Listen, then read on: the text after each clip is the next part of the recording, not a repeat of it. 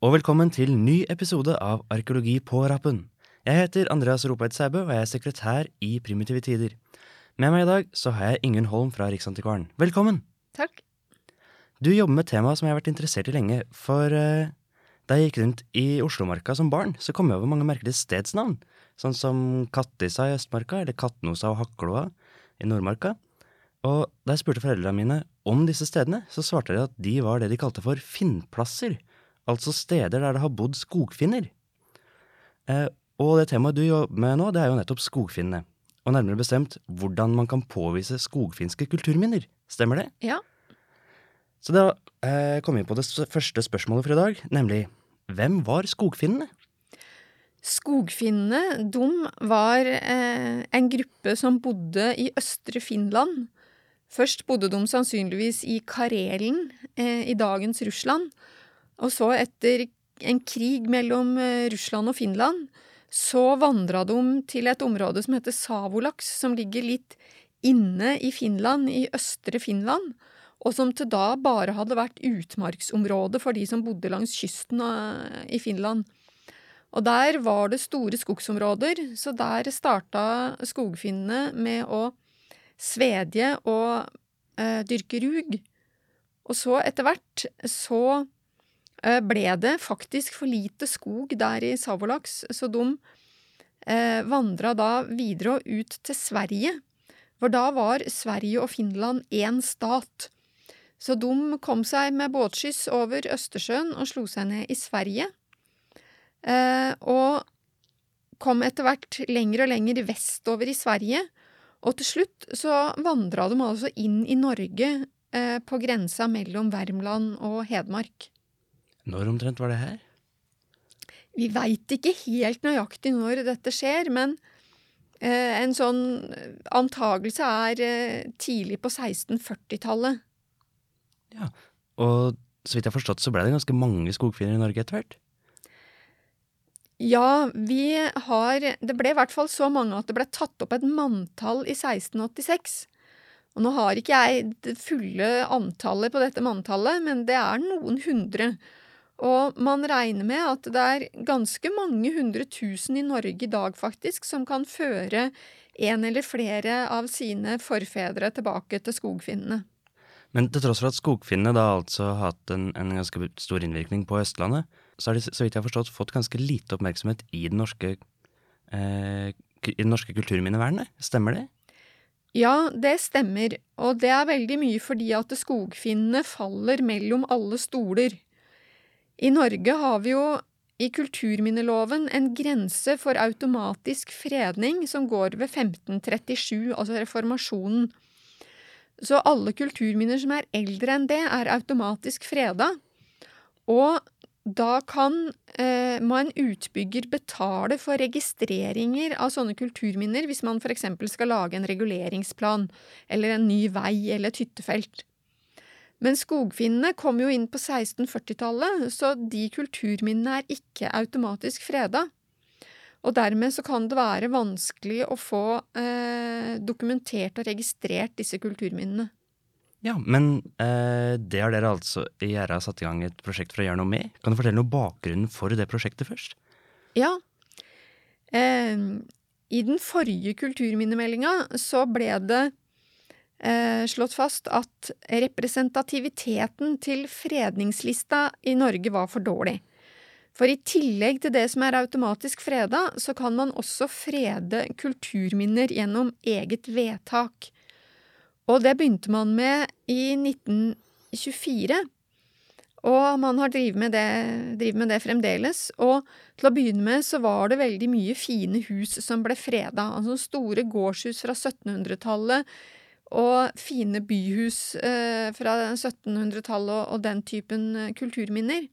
Så derfor så hadde fredningslista store mangler. Det var rett og slett de rike sine, sine hus som ble tatt vare på? Ja. Eh, mens, eh, så da gjorde Riksantikvaren en jobb hvor vi analyserte fredningslista for å se hva som mangla. Og da fant vi jo at eh, de nasjonale minoritetenes kulturminner var sterkt underrepresentert. Og de nasjonale minoritetene, det er de minoritetene som har bodd i Norge i lang tid.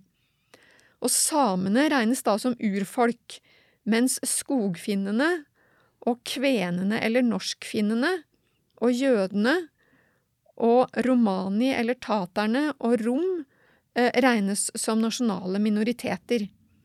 Så da starta Riksantikvaren et prosjekt eh, for å få freda noen av de nasjonale minoritetenes kulturminner. Og da starta vi med skogfinnene. Ja.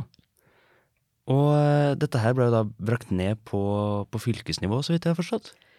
Ja, skogfinnene, de eh, har bodd i I dag vil det jo bli Innlandet og Viken i hovedsak, men de gamle fylkene Hedmark og Oppland og Akershus og Oslo og Buskerud, og kanskje også litt eh, i, eh, i Østfold, i Rømskog. Ja, og det var det som leda dere eh, Det var vel særlig Oppland fylkeskommune, forhenværende Oppland fylkeskommune, som leda dere til det stedet som er eh, som danner utgangspunkt for rapporten du har skrevet for oss i Primitive Tider, nemlig Snellingen. Kan du fortelle litt om den prosessen? Ja, for vi hos Riksantikvaren sendte da brev til fylkeskommunene og spurte om de kunne finne fram til skogfinske kulturminner som de tenkte det kunne være aktuelt å frede. Og Oppland fylkeskommune kom da fram til Snellingen. Snellingen, det er en skoggård som ligger i Lunder kommune, i Lunder allmenning, på grensa mellom Lunder og Nannestad.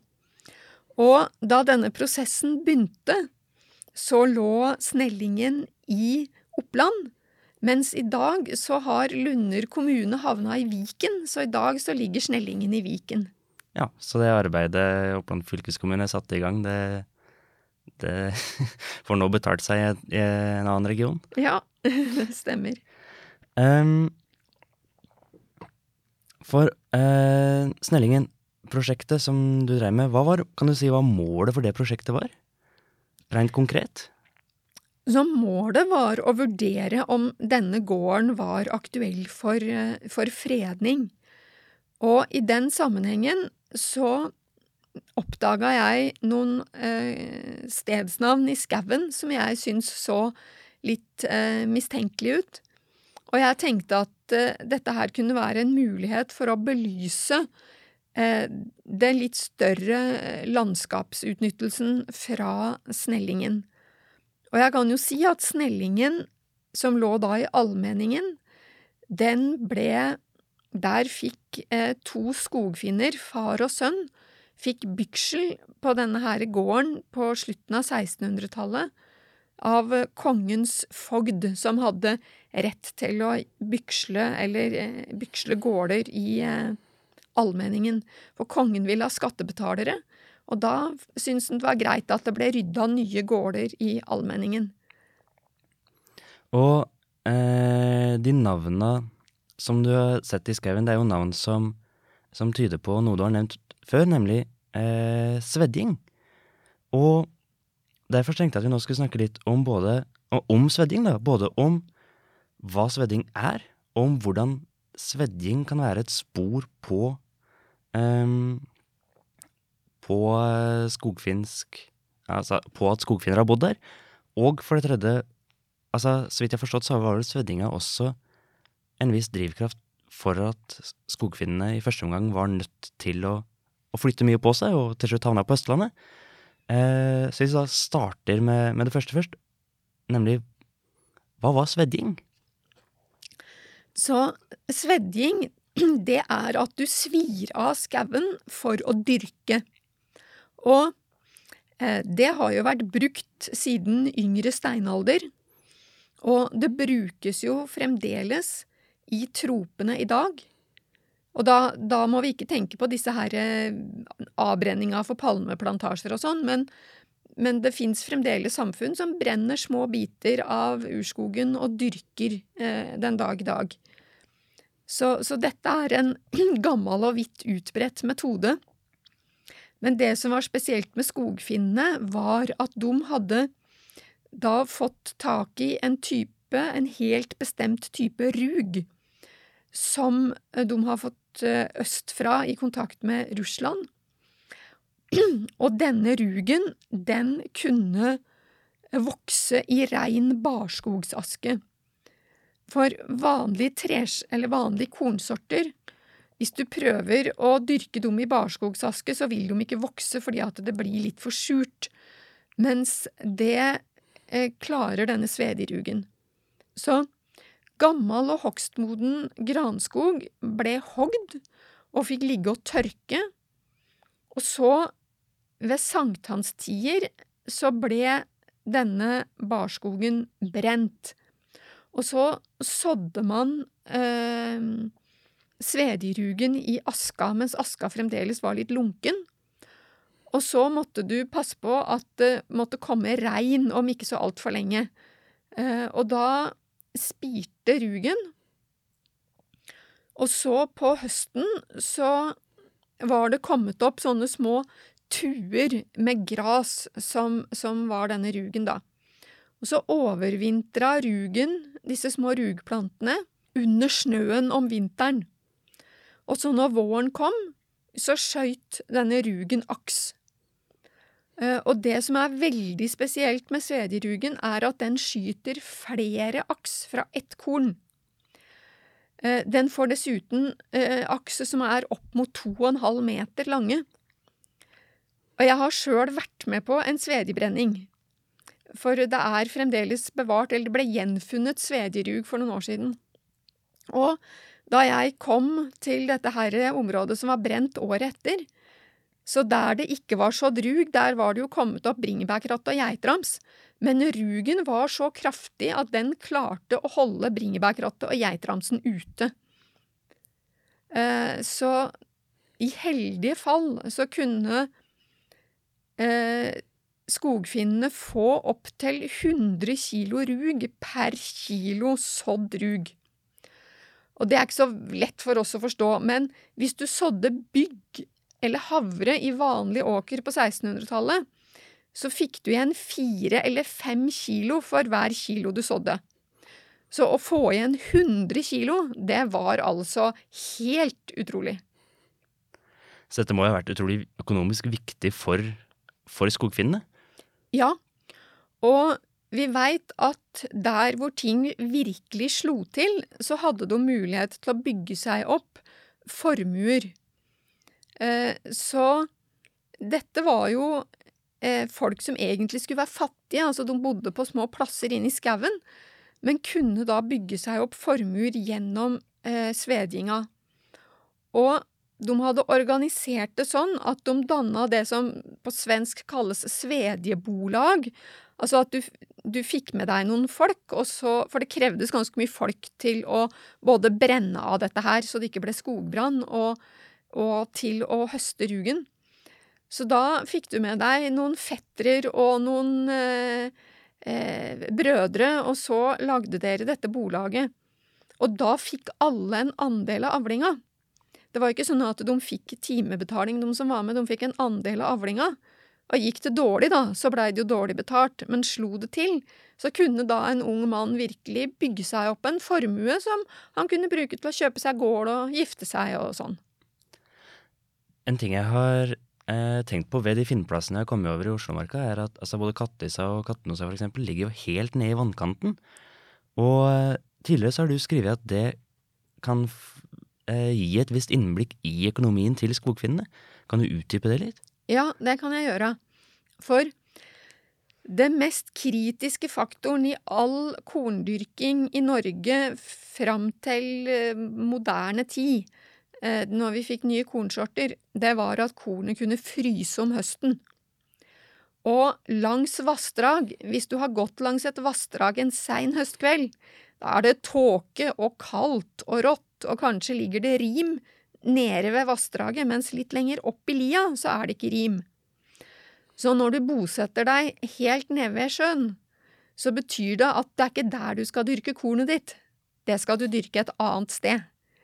Eh, så det vi ser, er at når skogfinnene hadde anledning til å svedje, så kunne de bosette seg for eksempel nede ved vannkanten, og da bruke vannet til også fisking og til å, eh, som en slags kommunikasjonsåre. Mens etter hvert som de ikke får svedje lenger og må eh, lage seg permanente åkre, så flytter de litt lenger opp i landskapet, rett og slett for å komme seg unna rådraget ned ved sjøen. Så vi kan vel si at, at sveddinga var så sentral økonomisk for skogfinnene at, at eh, Altså at svedding og skogfinsk henger omtrent like tett i hop som, som nordlending og fiske gjorde ei stund. Ja, når de hadde i de periodene hvor de hadde skog og svedje, det ble det jo slutt på etter hvert, men i de periodene så var svedinga den helt sentrale delen av eh, økonomien deres. Så de hadde også små åkerlapper hvor de dyrka eksempel litt havre eller bygg, men det var, det var en bigeskjeft. Det var også å legge ikke alle egga i samme kurven, ikke sant, men også gjøre litt forskjellige ting, sånn at gikk det ene dårlig, så kunne du falle tilbake på det andre. Men, men liksom hoved, eh, hovedvirksomheten var svedinga.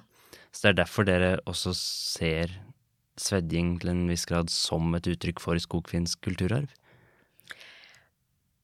Ja, i hvert fall når det er den rollen, for det som er, er at det, det har vært svedja i Norge sannsynligvis fra da fra yngre steinalder og helt fram til eh, i hvert fall ut på 1700-tallet.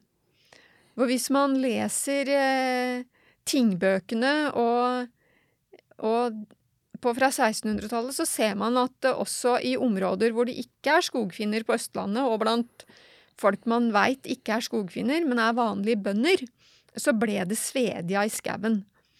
Eh, Men da var det mer i det gårdsnære kulturlandskapet, hvor det var blandingsskau eller lauvskau som ble svedja.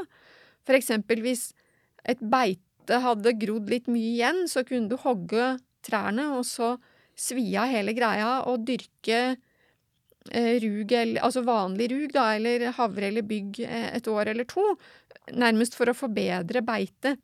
Så det ble svedja ganske mye eh, også av norske bønder, men det var en bigeskjeft. Det var hovedinntekten, hovedarbeidsinnsatsen, ble lagt på den faste åkeren, men svedinga var en bigeskjeft, mens for skogfinnene så var det motsatt, da. En ting jeg tenker på er at det, denne, denne sveddinga som skogfinnene drev med, den må jo ha krevd veldig mye skog. Åssen fikk skogfinnene tak i så mye skog, rett og slett? Altså, Brant de allmenning, eller kjøpte de skauen? Hvordan fikk de mulighet til å kjøpe så mye skau? Så de fikk da, som jeg var inne på, så var jo kongens fogder interessert i å få rydda gårder i allmenningen i Norge. For på 1600-tallet så var utnyttelsen av skogen på Østlandet fremdeles forholdsvis beskjeden. Gruvedriften var kommende det, det, Man hadde begynt med noe gruvedrift, men eh, sånn som Røros var i gang og, og Kongsberg var i gang, men sånn som i deler av eh, disse fylkene hvor skogfinnene slo seg ned, så var det lite gruvedrift. Eh, tømmersalget hadde ikke, med fløting og sånn, hadde ikke kommet seg så langt innover i innlandet enda.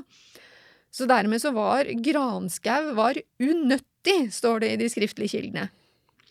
Såpass, ja. Eh, og dermed så var det for så vidt rasjonelt å brenne ned og bruke den til noe annet. Men eh, det kan nok hende at noen skogfinner brant ned litt mer skau enn det fogden hadde gitt dem rett til. Men vi veit også at eh, skogfinner, på, særlig på Finnskogen, inngikk avtaler med bøndene for at de skulle brenne granskog, at skogfinna fikk lov til å brenne ned granskog og dyrke svedjerug i eh, nærheten av setrene til bøndene, og så fikk bøndene beite, godt beite på de områdene etter at skogfinnene hadde dyrka svedjerugen sin. Så du har også tilfeller hvor det ble samarbeida, og da kanskje særlig da i den tidlige fasen på 1600-tallet hvor det på Finnskogen var enorme mengder med gammel granskog som var dårlig til dårlig beite, rett og slett. da. Mm. Du har skrevet at uh, at sveddinga var viktig i, uh, altså i mytologi- og forestillingsverden for skogfinnene. Kan du utdype det litt også? Ja, det var jo det at det var, det var den viktigste leve Eller næringsveien, og de hadde jo tro og tradisjon knytta til sjølve svedinga, ikke sant, altså hvordan skal man tenne på, og det var ikke minst mye værmerker, altså man måtte eh, ikke Det skulle ikke være for mye vind, det måtte være utsikt til regn, eh, så det var jo tradisjoner knytta til det. Men jeg har jo også sett i, for eksempel Kalevala, som jo er liksom finnenes nasjonalepos, hvor eh, det er en som er ute og sår alle trærne. Og han sår dem på riktig sted, ikke sant. Der vokser det gran, og der vokser det furu, og der vokser det rogn, og der vokser det eik. Så det er, det er veldig tydelig at skogen er, eh, hadde en viktig rolle i, i finnenes eh, tro og tradisjon. Så da skal vi vinne litt tilbake til det å, å finne spor av, og ikke bare finne, men også eh, påvise og kanskje bevare spor av, eh, av denne svedja. Og det bringer oss jo da til eh, til eh, tilbake til Snellingen, som er det Eh, det, det, stedet du undersøkte i forbindelse med den rapporten du skrev for Primitive Tider eh, i fjor.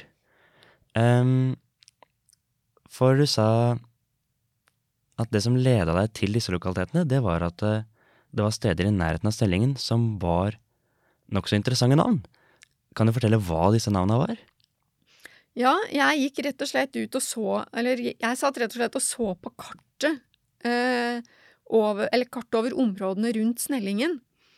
Og da fant jeg tre navn som jeg festa meg ved. Og det var eh, Finnebråten, og så var det Rognbråtefjellet, og så var det Tullebrennhaugen.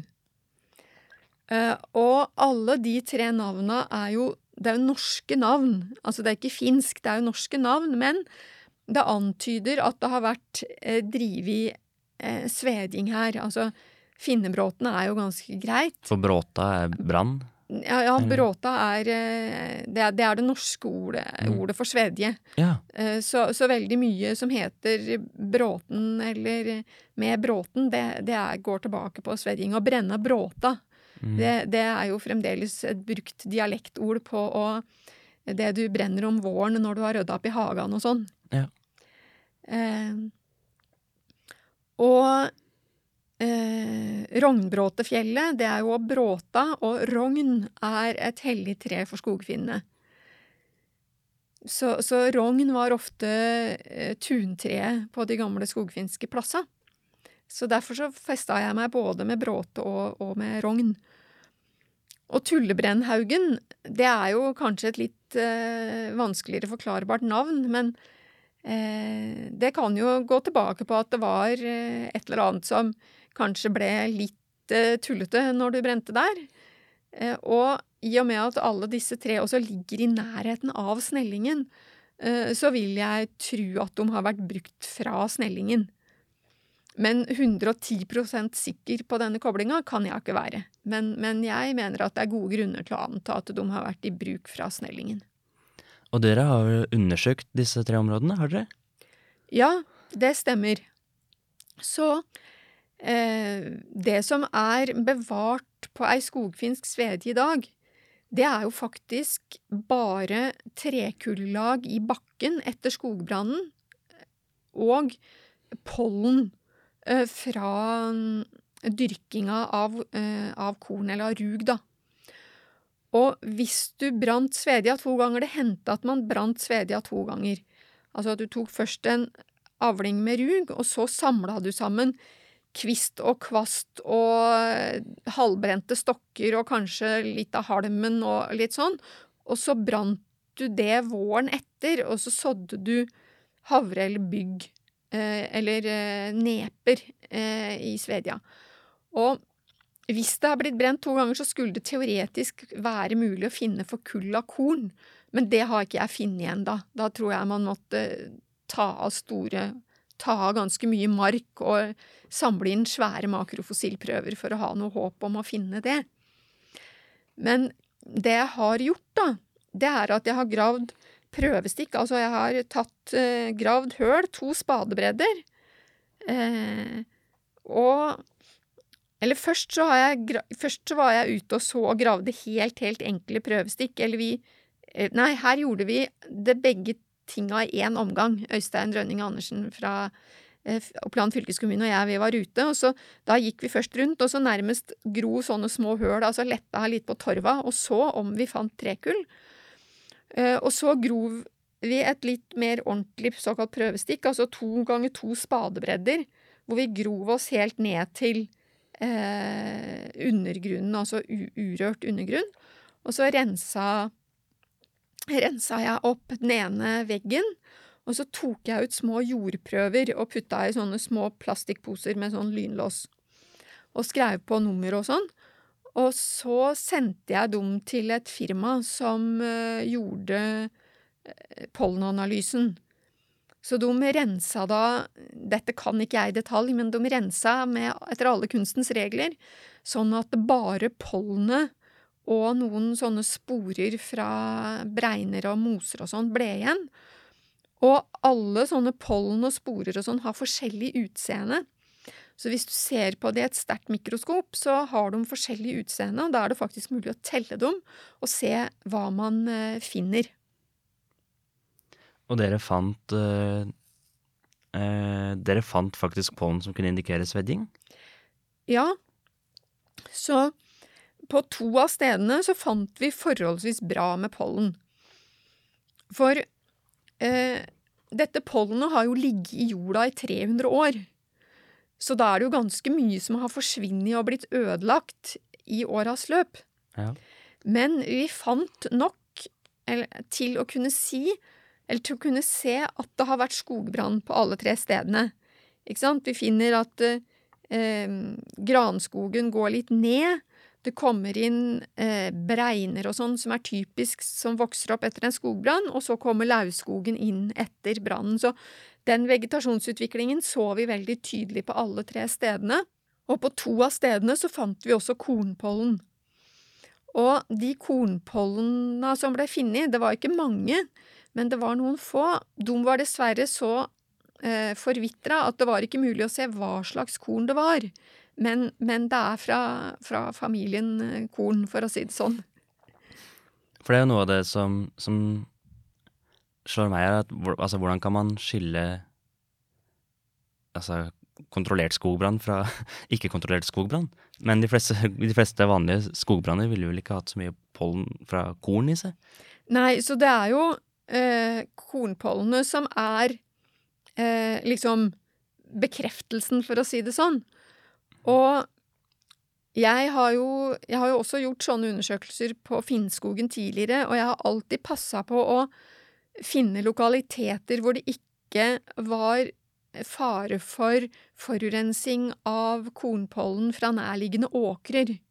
Man må finne områder hvor man er helt sikker på at det pollenet man finner, faktisk hører til en eventuell skogfinsk utnyttelse. Eh, Så du må utelukke den, den typen feilkilder, da. Eh, Så, så det må nok pollenanalyse til for å få en endelig bekreftelse.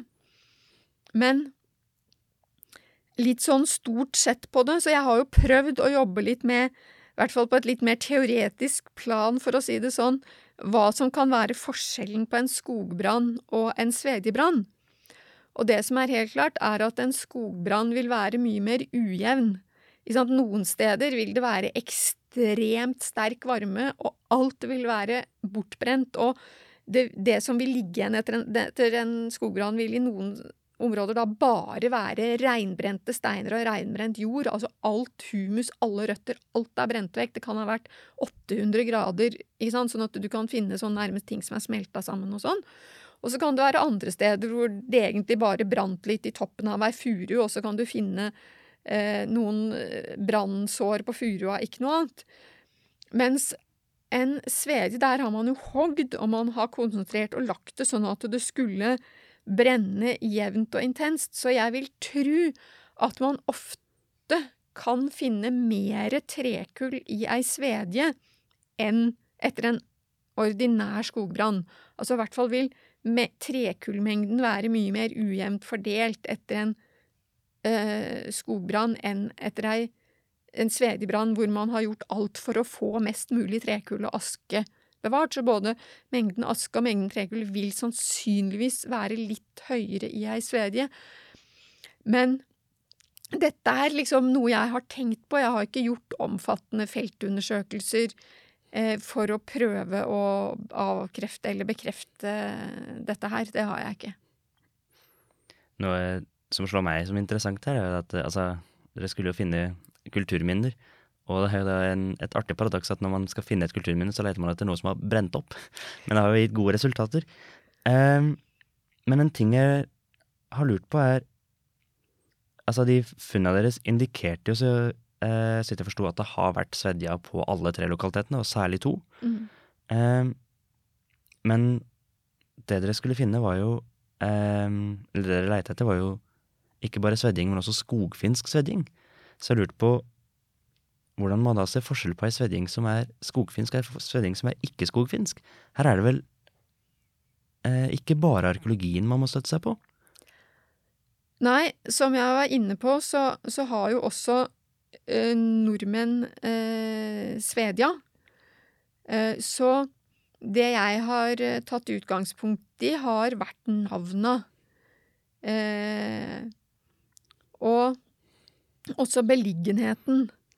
Altså, hadde jeg funnet eh, ei tilsvarende Hadde jeg funnet noe tilsvarende eh, på en gård i et område hvor det ikke bodde skogfinner, så ville jeg jo antatt at det var nordmenn som hadde Svedia, eller hvis det var et åpenbart eh, norsk navn, eller på en norsk eh, person, ikke sant, eller at du kunne bruke historiske kilder og vise at det her var det en nordmann som hadde gjort det.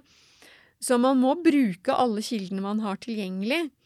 Og jeg har da særlig brukt navn, men eh, på en av stedene jeg har undersøkt på Finnskogen eh, i eh, Østre Hedmark, så eh, var det da en stor rettssak mellom to gårder om eiendommen til skog hvor det hadde ligget et skogfinsk torp eh, i, i 20 år i, akkurat på grensen.